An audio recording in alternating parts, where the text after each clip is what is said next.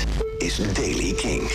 De dag begint met zon. Ook vanmiddag schijnt die flink, maar dan is er in het westen wel wat meer bewolking. Blijft wel droog, temperatuur 18 graden. Nieuws over Bono, Foo Fighters en Paramore. Dit is de Daily King van dinsdag 4 oktober. Michiel Veenstra. Bono van U2 gaat op een wereldtour, maar niet om te zingen, maar om zijn nieuwe memoires te presenteren. Stories of Surrender.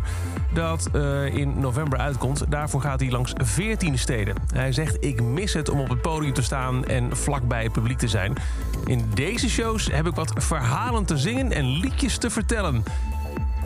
Stories of Surrender begint op 2 november in Boston, eindigt 28 november in Madrid. Dus ja, er zijn ook een paar Europese shows. Die vinden plaats in Londen, Glasgow, Manchester, Dublin, Berlijn, Parijs en Madrid. Dus niet in Nederland. Maar je kunt Bono zien praten over zijn boek binnenkort niet al te ver hier vandaan.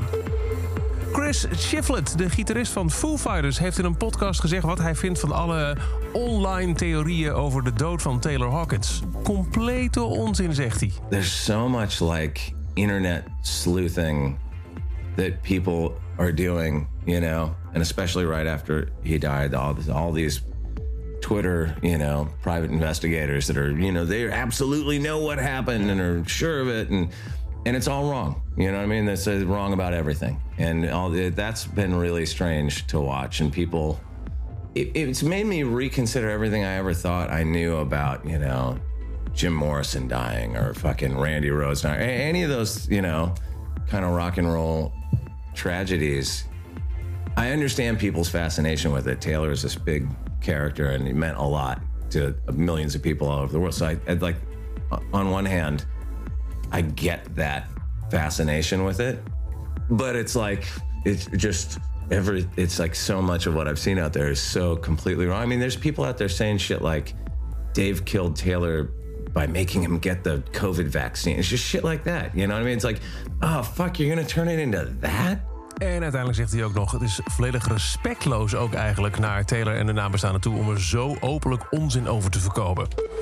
Fuck it, zei Haley Williams in Bakersfield, California... waar Paramore de eerste show deed in een paar jaar. En fuck it was van, oké jongens, klaar.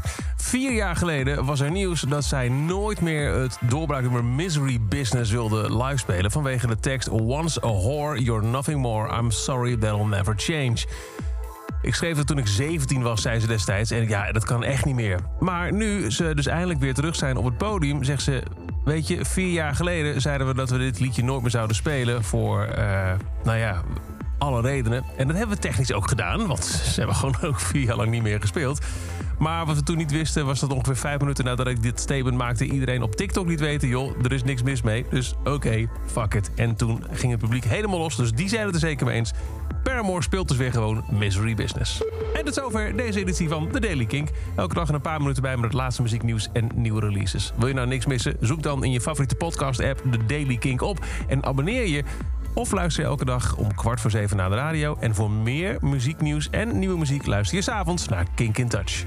Elke dag het laatste muzieknieuws en de belangrijkste releases in de Daily Kink. Check hem op kink.nl of vraag om Daily Kink aan je smart speaker.